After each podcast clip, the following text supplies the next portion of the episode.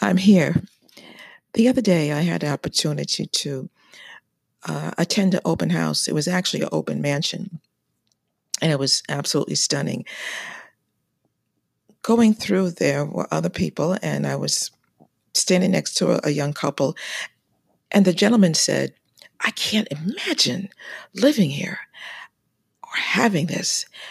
And he turned to the young lady he was with And he said again, I can't imagine living here, having something like this. Can you?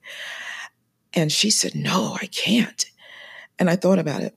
The word imagine, imagination, that is the beginning of goal setting. That's when you pull something into reality and that's not even here yet. That's when you think about it.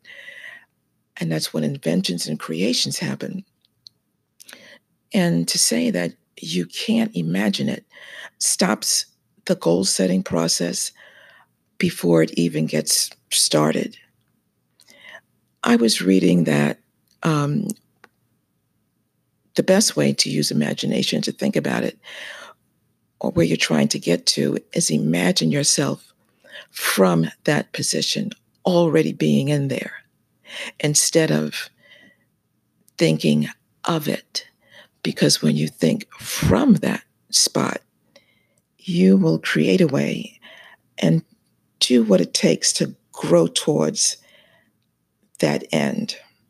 And that will make you almost unstoppable in reaching your goals. And the next time someone turns to me or I have to really watch myself because I can even remember myself saying, I can't imagine that. And the last thing you want to do is say it in such a way that someone else who might be thinking of that same desire um cosign with what you just said. I can't imagine that. So i will begin to think of myself from that position from that despite that desired spot